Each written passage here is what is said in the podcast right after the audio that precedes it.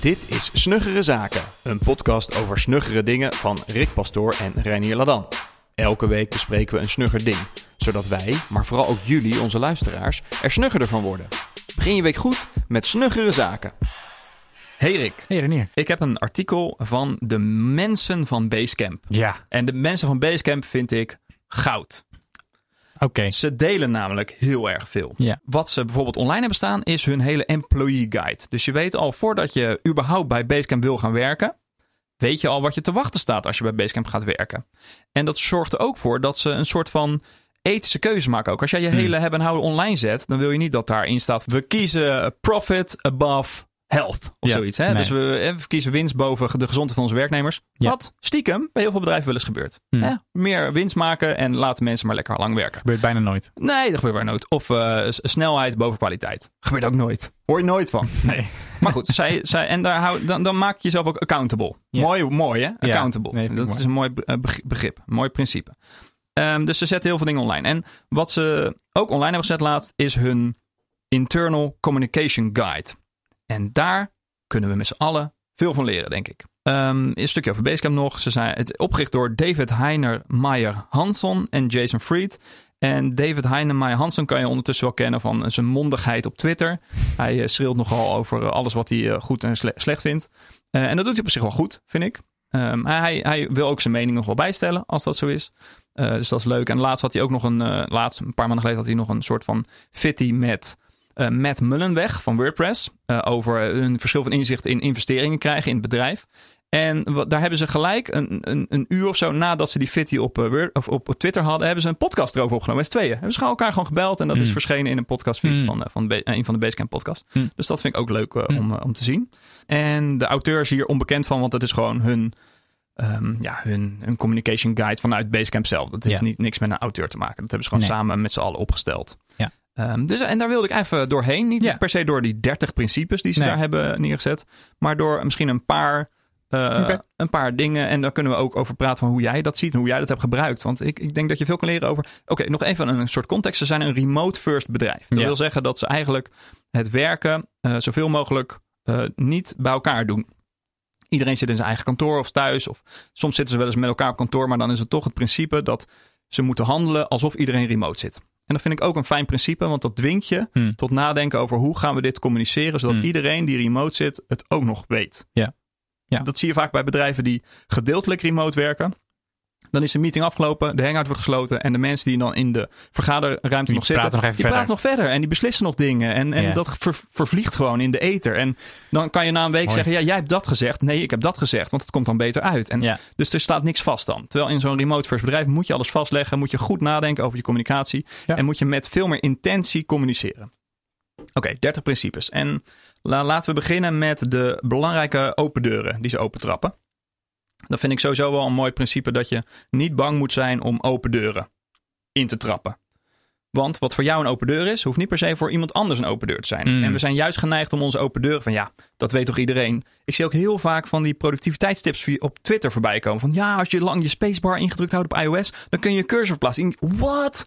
Dat weet ik al, nou ja, sinds dat het bestaat. Maar toch zijn er heel veel mensen die dat niet weten. En dat, is, dat snap ik. Niet iedereen is zoals ik bezig met productiviteit op een iOS-apparaat of een Mac. Dus jij vindt Dus- dat goed? Ja, dat vind ik eigenlijk wel goed. Je vindt ja, het ja. goed, oké. Ja, ik vind dat goed. Ja. Trap die open deuren in. Ja. Zoals, daar is regel nummer 1. oh, dit was geen regel. Ik zat al te denken, dit is toch helemaal geen... Maar dit is, dit is, jij Nee, meer, nee, nee. Dit is meer zo'n metapunt. ja, wat jij nog een- wel... Ja, dit is een levensfilosofie voor mij. Oh, oké. Trap die open deur in. Open deuren in hun lijstje. Je kunt niet niet communiceren. Hmm. Dus als je in een vergadering eh, zit en iedereen weet eigenlijk dat de deadline morgen is, maar iedereen doet alsof er geen deadline morgen is, dan weet iedereen ook dat je expres dat onderwerp vermijdt en dat je het eigenlijk gewoon niet over wil hebben. Ja, dan maak Dus je ook een punt. Dan Ja. maak je ook een punt. Dan Precies. communiceer je er ook over. Dus Ja. goede open deur, belangrijk om te bevestigen. Eh, puntje 11 op de lijst, als je meeleest mensen, is slechte communicatie creëert meer werk. Hmm. Dat is ook zo. Als jij iets afraffelt, een mailtje, dan bezorg je jezelf misschien niet per se veel werk, maar wel degene die het moet ontcijferen. En dat heb ik ook altijd last van, dat mensen een enorme maildraad in mijn inbox gooien met alleen maar for your information. En dan, nou, ik heb tegenwoordig de regel, ik stuur het gewoon terug. Ik zeg, oké, kun je aangeven wat er precies voor mij belangrijk is? Dan wil ik het lezen. En hoe dan- reageren mensen daarop? Ehm, nou, dat heb ik nu een paar keer gedaan. Dan krijg ik geen reactie terug. Want vaak is het ook zo. For information is ook echt zo van. Ja, als het van toepassing is, dan komt het nog een keer boven. En eh, nu weet je misschien over een maand als we in die meeting zitten. Nou, dan heb ik je toch al geïnformeerd met dit mailtje. Van daar had ik het al gezegd dat het zo is. Ja, eh, ze weten zelf wel dat ze fout zitten. Als ze een hele maildraad van letterlijk gewoon eh, vijf, zes niveaus diep. Met allerlei verschillende mensen van verschillende rangen en standen naar mij doormailen. Ja, dus eh, daar, daar stop ik ook gewoon mee. Eh, en dat is ook gewoon slechte communicatie. Hmm. Je communiceert door niet te communiceren. Je communiceert door gewoon iets over de schutting te gooien. Het is wel een interessante dat, zeg maar, ik weet niet of, of jij had bedacht om daar, daar nog over, over te, te hebben, maar het punt van, oké, want jij zegt nu eigenlijk, ik, ik, ik negeer dit gewoon. En, Nee, nee, ik stuur en het terug. Nou, oké, je Ja. stuurt het terug, maar dan, eh, kijk, eigenlijk leg je dus daarmee ook de hele verantwoordelijkheid bij die, bij die andere persoon. Wat in dit geval helemaal logisch is, hè, want die mensen die doen dat bij je. Maar Ja. eh, uit deze guide komt nog wat minder, voor mijn gevoel, eh, zo van, oké, maar als dit dan verkeerd gaat, hè, dit is dat is ook het idee niet van die guide, van hoe, hoe deal je dan met al die, met al die Ja. situaties. Maar Ja. Het is wel een interessante soort van, en dit was erg grappig, de feedback die Alexander, die publiceerde toen zijn, zijn user guide. Eh, die kreeg Alexander allemaal- Klupping. Alexander Klupping, ja. die niet, eh, die, in eh, onze bubbel ingewijden. zitten. Ja, die, die publiceerde zijn user guide en kreeg Ja. allemaal feedback daarop van, Ja, ja, ja. je bent wel heel erg van, Ja. jij moet het, hè, de, de, ja, de, dat is de algemene kritiek ook hoor. Die ik wel eens op user guides heb gelezen. Via Ja. Hacker News. Oh ja. Ja, ja. Ja, ja, via het, Ja. het bekende Ja. gezellige Ja. discussiegroepje. Maar dat zou je hierbij ook een beetje, ah, ah, zo'n comment die jij nu maakt, ook kunnen hebben van, hey, ja, communice- communiceren is super belangrijk. Ja. Doe je het niet goed? Ja, dan... Aan de ene kant wel, maar dit is niet een guide voor hoe mensen van buiten Basecamp met Basecamp moeten Nee. praten. Dit is Nee, echt nee, een nee. Ja, interne intern. Sure. eh, principes. Ja. Ja. Eh, even laatste open deur dan. Dat is vijf mensen in een meeting voor een uur. Is geen meeting van een uur, maar het is een meeting van vijf uur. Mm. Ik zie ook gewoon veel te vaak dat, dat er een meeting wordt en dan worden er acht mensen gewoon voor een uur ingepland. En ik denk van ja, om, om één dingetje te bespreken. Denk ik, jongens, kom op, doe dat volgens een ander principe. Ik zoek hem even op. Eh, dat is principe nummer twee. Hun, hun tweede belangrijkste principe. Eh, soms real-time, maar vaak asynchroon moet de communicatie plaatsvinden. Ja. Vind ik ook een mooi principe. Ja. Dus eh, de default bij heel veel organisaties is, nou, we, we, we plannen een meeting in met zoveel mogelijk mensen die er maar een beetje vanaf moeten weten. Terwijl vaak heb je iets te vertellen of iets te beslissen. Ja. Nou, als je iets te vertellen hebt, kan het in een mailtje. Moet je even voor gaan zitten. Misschien ben jij niet dan dat uurtje kwijt, maar wel twee uur. Maar daarmee voorkom je wel dat al die andere mensen ook in die meeting moeten zitten. Ja. Als je iets te beslissen hebt, kan je dat tegenwoordig ook prima asynchroon afhandelen, denk ik. Ehm, en dan hoef je ook niet een hele meeting eh, over te beleggen. Ja. Als je iets echt moet uitleggen, of er zijn echt dingen waarvan je juist nog niet weet wat er gaat gebeuren in die meeting, dan is een meeting misschien wel belangrijk. Dan, dan ontstaat het in die meeting. Ja. Maar als het niet in die meeting ontstaat en je weet eigenlijk al wat de uitkomst is van die meeting, of je Hmm. wil een uitkomst van een specifiek onderwerp, nou dan kan je proberen om dat zonder een meeting te doen. Ja, en wat ik wel interessant vond, is dat, dat is punt 5. Het is, eh, eh, dat is misschien wel minder een open deur, maar daar staat dan, eh, dat, dat is meetings are the last resort, not the first option. Wat ik wel interessant vond, want zij hebben natuurlijk ook eh, in het boek Rework, is een van de principes meetings are toxic. Dat is best wel gewoon negatief naar meetings. En ik vond het hier wel fijn eigenlijk dat het wat, dat het wat nu genuanceerder is. En ze zeggen gewoon heel vaak van, nou, we, doen, we willen zo min mogelijk meetings doen. Ja. Maar eigenlijk vind ik het wel, dit geeft wel lucht, omdat je soms is het gewoon zo dat je denkt, ik kom er niet uit. Ja. En dat is andersom eigenlijk eh, van, eh, dat, dat, dat maakte ik bij Blender ook wel vaak mee. En, en nu ook als ik gewoon eh, met mensen hierover praat, van hoe werkt dit? Dat mensen ook soms het heel eng vinden om mensen even in een, in een hok te trekken. Dus voor de dingen waarbij dit heel goed, juist even belangrijk is dat je mensen even, zeg maar, even een paar koppen bij elkaar. Ja. Ehm, eh, dan moet het ook niet zo voelen als meetings mogen niet. Nee, nee, nee. Maar meer dat het wel, het is gewoon Ja. een hele goede tool, maar je moet Ja. hem goed inzetten. Maar dat is het. Het is een tool en je moet inderdaad wel weten wanneer je hem inzet. En Ja. nu wordt het gewoon voor alles gebruikt. Ehm, dan hebben we ook nog eh, de. eh, en wat ik, dus ik vind die, die regel nummer twee, real-time sometimes in het Engels dan en asynchronous most of the time. Dat vind ik heel waardevol om naar te handelen. Probeer ik ook steeds vaker gewoon te implementeren in de projecten waar ik Hmm. werk. En wat, zijn dan, wat is dan een manier? Eh, want je, zegt, je hebt het al over e-mail. Nou, daar wil je het waarschijnlijk ook over hebben. Maar wat, hoe, eh, hoe doe je dat het liefst Nou, dus, ja, dus niet e-mail. Nee. Ehm, het, het- ik vond het hier voor mij niet in terug. Maar ze hebben ook ergens in hun employee guide volgens mij in principe dat je moet praten over het ding waar het ding leeft.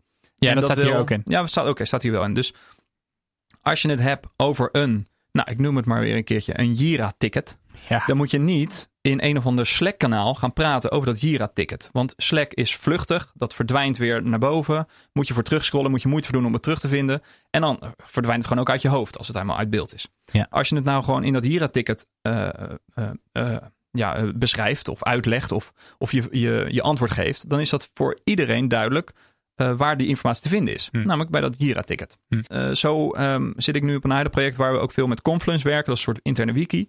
En dat is ook fijn om daar beslissingen te maken. Dus Mhm. we hebben een beslissingslog hebben we daar. En daar zetten we dus eerst de beslissing neer. Dan gaan we gewoon met uh, de mensen die daarbij betrokken zijn, gaan we de argumenten neerzetten, de Mm. voor's en tegens. Mm. En dan is er vaak wel een driver of een stakeholder die daar het uiteindelijke zeggenschap over heeft. Maar iedereen kan wel zijn zegje doen en uh, voorsorteren op of die het met die beslissing eens is of niet. En dan is de beslissing gemaakt en dan staat het daar uh, vast om terug te vinden. Vast is natuurlijk een relatief begrip als er nieuwe mensen gaan werken of er zijn toch nieuwe inzichten, kun je terugkomen op die beslissing. Maar dan weet je wel op welke gronden die beslissing is gemaakt. Juist. En dat is veel fijn dan dat die beslissing in een meeting is gemaakt. Yeah. In de notulen, als ze er al zijn, staat dan deze beslissing gemaakt. Vaak niet waarom, want dat is veel te veel heen en weer uh, uh, gecommuniceerd geweest. Ja. Um, en dan wordt, worden dezelfde fouten weer gemaakt. Ja. Dus uh, de, het is ook veel, veel een hele goede manier om hiervan te leren. Hm. Om Hm. gewoon met je hele bedrijf, organisatie verder te komen. Ja, ja. Nou ja helemaal, helemaal eens. Wat nog meer? Praten helpt enkel de mensen die erbij zijn. Hmm. Schrijven helpt iedereen. Dat is hun regel nummer 7. Is natuurlijk ook een, een, beetje een open deur. Maar het is wel iets om, je, om, om te beseffen. Um, dus, dus zodra je in een meeting zit en er wordt heel veel gepraat, dan zijn degenen die ziek zijn die dag, of die er niet aanwezig kunnen zijn, of die er niet per se bij horen, maar waar het wel handig van zou zijn als ze weten wat er in die meeting besproken is, ja, die weten het gewoon niet. Die, die kennen de achtergrond niet en, en de context. Hmm. En dat bereik je wel als je het dus asynchroon oplost uh, in een, een wiki-pagina of desnoods een e-mail. Dan kan je tenminste nog die e-mail uiteindelijk forwarden naar iemand met for your information. Hier, Ga maar lekker lezen. nee, het is ja. wel fijn als je een e-mail heen en weer hebt gehad, dat je dat dan even samenvat en het alsnog ergens in een vast systeem zet. Ja. En dat zie ik toch gelukkig ook wel steeds meer naar boven komen bij bedrijven. Dat, ze een kennissysteem hebben. Ja. Dus niet alleen maar een taaksysteem zoals Jira of Trello of uh, weet ik veel wat uh, mensen gebruiken. Maar dat er ook een systeem is waarin mensen dingen kunnen opzoeken. Hmm. En nou is wel altijd de, de, de, negatieve feedback erop van ja, uh, niemand leest documentatie. Maar dat is ook omdat documentatie heel vaak slecht is. Of dat het niet te vinden is. Hè? Als je Hmm. drie keer nee krijgt, dan ga je niet de vierde keer nog een keer zoeken. Hmm. Dus als je documentatie op orde hebt, dan komt dat vanzelf wel goed.